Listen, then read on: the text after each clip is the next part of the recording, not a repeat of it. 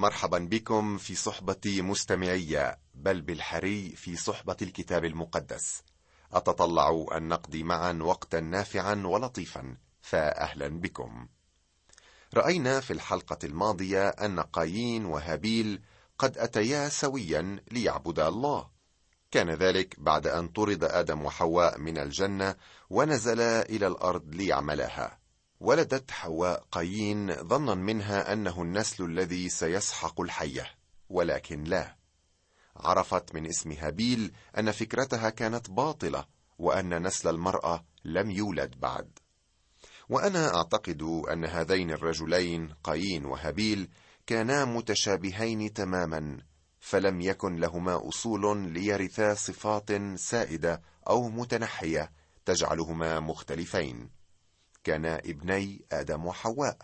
ومع ذلك كان هنالك اختلاف كبير بينهما. ليس على نطاق الشخصيه كما راينا بل في طريقه تقديم القرابين. هابيل قدم بالايمان وقايين قدم من اعماله. لقد اتى قايين ببره الذاتي.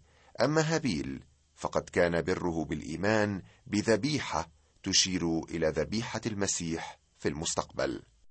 نتابع تأملاتنا في الأصحاح الرابع من سفر التكوين ونقرأ ابتداء من العدد السادس. فقال الرب لقايين لماذا اغتظت ولماذا سقط وجهك؟ إن أحسنت أفلا رفع وإن لم تحسن فعند الباب خطية رابضة وإليك اشتياقها وأنت تسود عليها. وكلم قايين هابيل أخاه وحدث إذ كانا في الحقل أن قايين قام على هابيل أخيه وقتله. فقال الرب لقايين أين هابيل أخوك؟ فقال لا أعلم أحارس أنا لأخي؟ فقال ماذا فعلت؟ صوت دم أخيك صارخ إلي من الأرض. فالآن ملعون أنت من الأرض التي فتحت فاها لتقبل دم أخيك من يدك.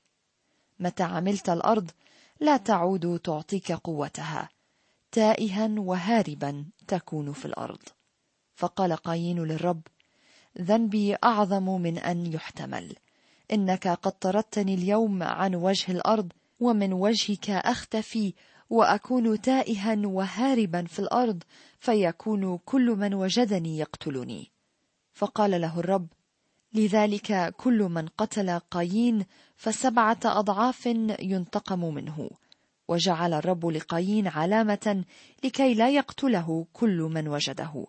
فخرج قايين من لدن الرب وسكن في أرض نود شرقي عدن. وعرف قايين امرأته فحبلت وولدت حنوك وكان يبني مدينة فدعا اسم المدينة كاسم ابنه حنوك. وولد لحنوك عيراد وعيراد ولد محيائيل ومحيائيل ولد متشائيل ومتشائيل ولد لامك. واتخذ لامك لنفسه امرأتين اسم الواحد عادة واسم الأخرى صلة. فولدت عاد يابال الذي كان أبا لساكني الخيام ورعاة المواشي واسم أخيه يبال الذي كان أبا لكل ضارب بالعود والمزمار. وصلة أيضا ولدت توبال قايين الضارب كل آلة من نحاس وحديد. وأخت توبال قايين نعمة. وقال لامك لامرأتيه عادة وصلة اسمعا قولي يا امرأتي لامك. وأصغيا لكلامي فإني قتلت رجلا لجرحي وفتى لشدخي. إنه ينتقم لقايين سبعة أضعاف وأما للامك فسبعة وسبعين.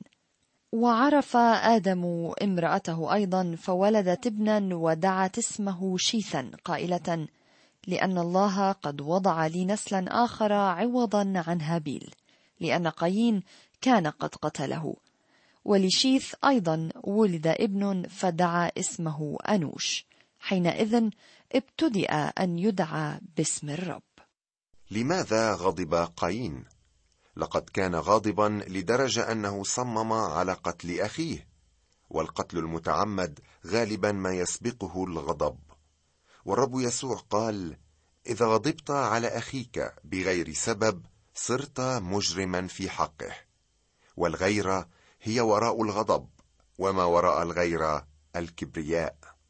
ويعقوب يصيغها على النحو التالي. ثم الشهوة إذا حبلت تلد خطية والخطية إذا كملت تنتج موتا. وغضب قايين أدى إلى القتل والذي ولد ذلك أصلا الغيرة والكبرياء. وهنا نرى كيف يتعامل الله مع قايين. كيف يتنازل ويحاجه؟ يقول له إن أحسنت افلا رفع. لو أنك سلكت الطريق الصواب كنت أرفع وجهك مثلما رفعت وجه أخيك. ولكن توجد لديك فرصة أخرى لتعمل الصواب.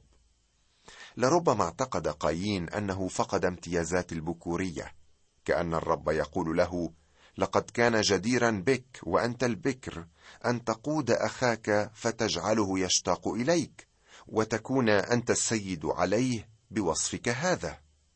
ولكن الرب في محبته يعطيه فرصة ثانية. لماذا؟ لأن إلهنا إله الفرصة الثانية. والصواب هو أن يأتي بذبيحة كهابيل. ولكن قايين كان غارقا في الغضب. يجدر بي هنا أن أنوه عن العبارة عند الباب خطية رابضة. البعض يفسرها على انها ذبيحه الخطية الموجوده عند الباب حيث كانوا يضعون الحمل. هذا صحيح ولكن ليس هو المعنى المقصود هنا. فحتى زمن موسى لم يكن هناك ذبائح خطية التي أعطيت في سفر اللاويين بعد الناموس وبولس يؤكد ذلك بقوله لأن بالناموس معرفة الخطية.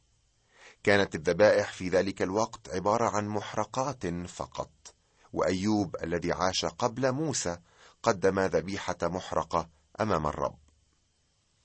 من الواضح صديق المستمع أن قايين لم يدرك مدى قابليته للخطية وأنا أعتقد أن الله عندما قال له عن الخطية الرابضة عند الباب أراد أن يفهمه أن الخطية كالوحش الذي يربض عند الباب ليهجم عليه. من أجل هذا احتاج قايين إلى ذبيحة تجعله مقبولا لدى الله. احتاج إلى ذبيحة تشير إلى ذبيحة المسيح. ليس كما كان قايين من الشرير وذبح أخاه. ولماذا ذبحه؟ لأن أعماله كانت شريرة وأعمال أخيه بارة. يقول يوحنا في رسالته الأولى. نعم لقد احتاج قايين إلى ذبيحة والله في محبته أعطاه فرصة أخرى. وكلم قايين هابيل أخاه وحدث إذ كانا في الحقل أن قايين قام على هابيل أخيه وقتله. فقال الرب لقايين أين هابيل أخوك؟ فقال لا أعلم أحارس أنا لأخي؟ أترى مستمعي توغل الخطية وحلقاتها المتتابعة؟ بدأ فيها ابوان ويتابع فيها قايين وحتى هذه الجريمة النكراء جعلت الرب يظهر مرة أخرى. إنها مبادرة عظيمة من الخالق الذي يعنى بالإنسان. أحارس أنا لأخي؟ يقول قايين إنه جواب ينم عن الوقاحة والتبجج. فلم يكن قايين يأبه لا بأخيه ولا بالرب. كان يحاول أن يغطي فعلته.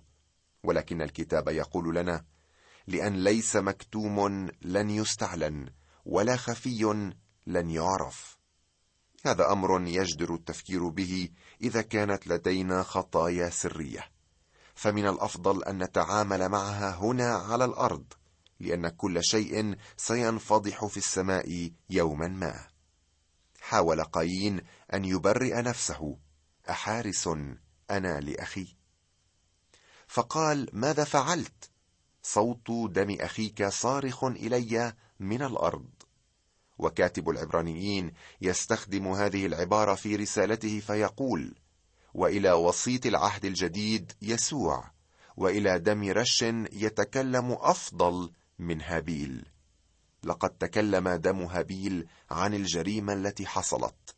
أما دم يسوع فيتكلم عن الفداء الذي حصل وعن الخلاص. وقال له الله فالآن ملعون أنت من الأرض التي فتحت فاها لتقبل دم أخيك من يدك. متى عملت الأرض لا تعود تعطيك قوتها تائها وهاربا تكون في الأرض. هل تعرف مستمعي لماذا الأرض ملعونه اليوم؟ لماذا توجد بعض البقاع التي فيها الناس يموتون جوعا؟ بسبب الخطية. ولكن هنا قايين هو الذي لعن وستتحقق لعنته على الأرض. دم هابيل يصرخ من الأرض نفسها ذلك الدم الذي أهدره أخوه. فقال قايين للرب ذنبي أعظم من أن يحتمل. وهنا المقصود بذنبي قصاصي. وقايين يقول للرب أن عقابه لا يحتمل. اذا يا قايين لماذا لم ترجع إلى الله وتعترف له بخطيتك؟ كان ذلك أكثر من طاقة تحمله. لقد أضاع فرصة تصحيح الخطأ ولم يصغي لمحاجة الرب. كان واجبا عليه أن يدين نفسه ولكنه لم يذرف دمعة واحدة على أخيه الشهيد لأنه إنما كان منشغلا بذاته. أقواله هذه لا تنم عن الشعور بالذنب وإنما يشكو من قسوة القصاص. إنك قد طردتني اليوم عن وجه الأرض ومن وجهك أختفي وأكون تائها وهاربا في الأرض فيكون كل من وجدني يقتلني. إن إحساسه بوطأة العقاب لم يخف عنه مخاوفه. يقول قايين أنه سيختفي من وجه الله وهذا ما حدث فعلا لكن الله رتب ما يلزم لحمايته. هذا غريب الله يأوي مجرما. فقال له الرب لذلك كل من قتل قايين فسبعة أضعاف ينتقم منه وجعل الرب لقايين علامة لكي لا يقتله كل من وجده. لا نعرف ما هي العلامة وما نقوله عبارة عن تكهنات. وهنا أقول أن قايين لم يكن متعديا أو مجرما لأنه لم يكن هناك قانون. كان قايين خاطئا بعدم تقديم القربان الصحيح لله. كانت أعماله شريرة وقد عبر عن ذلك بذبحه أخاه. لذلك يا أخي الله لم يأوي مجرما. لكن اناه الرب مع مقاوميه عجيبة. إنه إله الرحمة وطول الأناة. بعد ذلك نجد أن قايين يخرج من حضرة الله مستغلا كفالته ويقيم لنفسه حضارة منفصلة عن الله تماما. هجر حضرة الرب وها هو يركض في ميدان أنشطة الإنسان بدون الله وقد أسقط من حسابه فكرة العبادة لله. فخرج قايين يقول الكتاب من لدن الرب وسكن في أرض نود شرقي عدن. لا نعرف أين توجد أرض نود أو أرض التيه أو الضياع ولكننا نعلم أن قايين سكن فيها والضياع هو حالة القلب البعيد عن الله. وعرف قايين امرأته فحبلت وولدت حنوك وكان يبني مدينة فدعا اسم المدينة كاسم ابنه حنوك. كم يحب الناس اليوم أن يطلقون على الشوارع والطرقات أسماءهم التي يعتزون بها؟ هل تعرف ماذا يعني حنوك؟ يعني مهذب ومتعلم وهذا ما يفخر به الناس المستقلون عن الله المدنية والتحضر والعلم. هنا نرى حياة المدينة تبدأ. نرى انشاء الثقافة والمفكرين وأصحاب العلم. هنا نرى تعظم المعيشة وقيام نظام ضخم يقاوم الله. وولد لحنوك عيراد وعيراد ولد محيائيل ومحيائيل ولد متشائيل ومتشائيل ولد لامك واتخذ لامك لنفسه امرأتين اسم الواحدة عادة واسم الأخرى صلة. هذا أول جدول أنساب في الكتاب المقدس. يوجد شخص هنا يستلفت انتباهنا وهو لامك الذي ابتدأ تعدد الزيجات وهو السابع من آدم. لقد تعدى لامك على أمر الله وقصده فالله لا يوافق ابدا على تعدد الزوجات. وهذا واضح من اسمه لامك أي قوي أو مزواج. والفقرات التي نراها في الكتاب عن ذلك لا تعني أن الله يؤيد بل هو يدين وما هذه إلا سجل للتاريخ. اسم زوجة لامك عادة يعني متعة أو زينة كناية عن تجملها الزائد.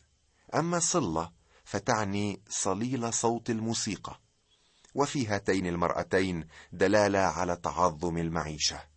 ولا بد وأن لامك كان يعاني مع هاتين المرأتين. هكذا بدأت مستمعي العزيز الحضارة القايينية إنجاز التعبير. فولدت عاد يابال الذي كان أبا لساكني الخيام ورعاة المواشي. هذا هو البدوي الأول. واسم أخيه يوبال الذي كان أبا لكل ضارب بالعود والمزمار. إنه الموسيقار الأول. وكل موسيقى اليوم لابد وأنها بدأت زمن قايين. وصلة أيضا ولدت توبال قايين الضاربة كل آلة من نحاس وحديد وأخت توبال قايين نعمة. إنه الحرفي. وهكذا أصبح الطريق مفتوحا أمامهم للاستقلال عن الله. وقال لامك لامرأتيه عاد وصلة اسمعا قولي يا امرأتي لامك واصغيا لكلامي. فإني قتلت رجلا لجرحي وفتى لشتخي. إنه ينتقم لقايين سبعة أضعاف وأما للامك فسبعة وسبعين. هنا لامك يقول أنه قتل دفاعا عن النفس وليس كقايين وهو بذلك أراد أن يستفيد من الحماية الإلهية التي قدمها الرب لقايين ولكننا لا نعرف المسببات أو الظروف التي تم فيها ذلك. شعر لامك أنه سينتقم منه سبعة وسبعين ضعفا وهذا هو الرقم الذي أعطاه المسيح لبطرس ليغفر لأخيه في اليوم الواحد. وعرف آدم امرأته أيضا فولدت ابنا ودعت اسمه شيثا قائلة لأن الله قد وضع لي نسلا آخر عوضا عن هابيل لأن قايين كان قد قتله ولشيث أيضا ولد ابن فدعا اسمه أنوش. حينئذ ابتدأ أن يدعى باسم الرب. ومن هنا نرى أول الأشخاص الذين ابتدأوا يعبدون الله بالحق ومعنى اسمه ضعيف أو هش. نعم لم يرد الله أن يتمجد بالحضارة القوية التي لقايين بل أراد ضعف أنوش ليتمجد فيه. ننتقل في تأملاتنا الآن إلى الأصحاح الخامس من سفر التكوين حيث ندرس جزءا يسيرا منه اليوم. كما ذكرنا سابقا مستمعي نرى في القسم الأول من سفر التكوين أي من الأصحاح الأول وحتى الحادي عشر نرى الأحداث العالمية الكبرى. رأينا الخلق ثم السقوط والآن نأتي إلى الطوفان وذلك ابتداء من الأصحاح الخامس وحتى التاسع. في الأصحاح الخامس سنتعرض إلى كتاب مواليد آدم من شيث وكأنها تبدأ بداية جديدة. أما نسل قايين فقد أعطي لنا ثم أسقط. في الواقع هذا الأصحاح يدعو للكآبة فعندما تقرأه تشعر وكأنك تسير في مقبرة لأن كل أولاد آدم قد ماتوا بسبب خطية آدم. فيه نرى عجز الإنسان ووقوعه تحت طائلة الموت. ويؤكد بولس ذلك بالقول لأنه كما في آدم يموت الجميع. سأطلب من الصديق ميسون أن تقرأ لنا الآيات الخمس الأولى من هذا الأصحاح الخامس. هذا كتاب مواليد آدم يوم خلق الله الإنسان على شبه الله عمله ذكرا وأنثى خلقه وباركه ودعا اسمه آدم يوم خلق. وعاش آدم مئة وثلاثين سنة وولد ولدا على شبهه كصورته ودعا اسمه شيثا. وكانت أيام آدم بعدما ولد شيثا ثمانيمائة سنة. وولد بنين وبنات فكانت كل أيام آدم التي عاشها تسعمائة وثلاثين سنة ومات. كتاب مواليد آدم. عبارة تتردد في بداية العهد الجديد كتاب مواليد يسوع المسيح. نعم هناك كتابان ونسلان الواحد ضد الآخر. سيكون الصراع طويلا بين نسل الشيطان ونسل المسيح النسل المقبول. والنسل الذي سنقتفيه الآن هو نسل شيث الذي منه أتى المسيح والذي هو نسل آخر عوضا عن هابيل. وعاش آدم مئة وثلاثين سنة وولد ولدا على شبهه كصورته ودعا اسمه شيثا. عندما بلغ آدم مئة وثلاثين سنة من العمر كم كان عمره الحقيقي؟ بكلمات أخرى عندما خلق الله آدم كم كان عمره؟ أنا لا أعرف بالتحديد والكتاب لا يذكر لنا ذلك. هناك أسئلة عديدة في الكتاب حول عمر الأرض. لا نستطيع أن نجد لها أجوبة محددة. لا نعرف كم كان عمر آدم حينما خلق. ولكن الذي نعرفه أنه وصل الآن السنة المائة والثلاثين من عمره وأنجب ابنا كشبهه أسماه شيث. وكانت أيام آدم بعدما ولد شيثا ثمانمائة سنة وولد بنين وبنات. فكانت كل أيام آدم التي عاشها تسعمائة وثلاثين سنة ومات. نعم مات آدم. ويمكنك أن ترى أن أبناءه من بعده قد ماتوا أيضا. شيث وأنوش وقينان ومهلئيل ويارد كلهم ماتوا. وهنا أتوقف عند يارد وبالتحديد عند ابن له اسمه أخنوخ. ومعنى اسم أخنوخ تعليم أو تهذيب. وها نحن هنا أمام إنسان يتعلم في مدرسة الله كيف يسير معه. وهنا أنتقل إلى العدد الحادي والعشرين من الإصحاح الخامس وعاش أخنوخ خمسا وستين سنة وولد متشالح. ولكن هل مات أخنوخ؟ كلا لم يمت. هنا نجد البقعة المنيرة في ظلمة هذا الإصحاح. وسار أخنوخ مع الله بعدما ولد متشالح ثلاثمائة سنة وولد بنين وبنات. فكانت كل أيام أخنوخ ثلاثمائة وخمسا وستين سنة. وسار أخنوخ مع الله ولم يوجد لأن الله أخذه. يا له من أمر مدهش. في وسط الموت ينتقل أحدهم من الأرض. قيل عن أخنوخ أنه سار مع الله وسنرى لاحقا أن نوح أيضا سار مع الله. اثنان فقط لم يموتا في العهد القديم بل انتقلا وهما اخنوخ وإيليا. سأتابع قصة اخنوخ في الحلقة المقبلة لأن الوقت قد أدركنا. أتركك مع الأخت ميسون فهمي بعد هذا الفاصل الموسيقي لتقدم لك عناويننا. ونحن بانتظار أسئلتك وتعليقاتك مستمعي ولكن لي رجاء عندك ألا ترسل الرسائل بالبريد المسجل لأن في هذا صعوبة بالغة في استلامها. أرسلها بالبريد العادي حتى تصلنا بسهولة.